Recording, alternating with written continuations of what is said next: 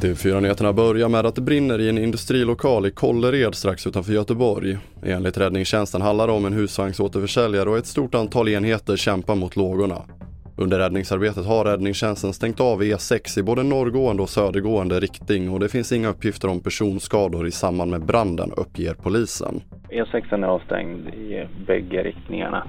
Vi har inga prognoser i nuläget. Vi arbetar för fullt på platsen. Vi har 18 enheter på plats. Ja, det är både räddningstjänst, ambulans och polis på plats. Det sa Fredrik Östlund på räddningstjänsten i Göteborg. Och trots tidigare bud fortsätter Kina sin militärövning runt Taiwan på måndagen, det uppger landets militär enligt Reuters. I ett uttalande på den kinesiska plattformen Weibo skriver militären att de nya övningarna går ut på att träna soldaterna i att genomföra antiubåtsattacker och sjöräder.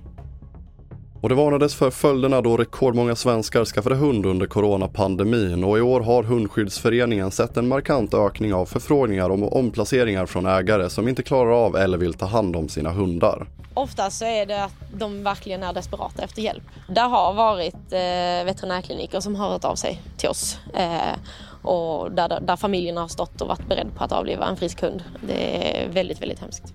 Det sa Frida Andersson som är hundskötare på Hundstallet och mer om detta och andra nyheter hittar du på tv4.se. Jag heter André Meternan Persson.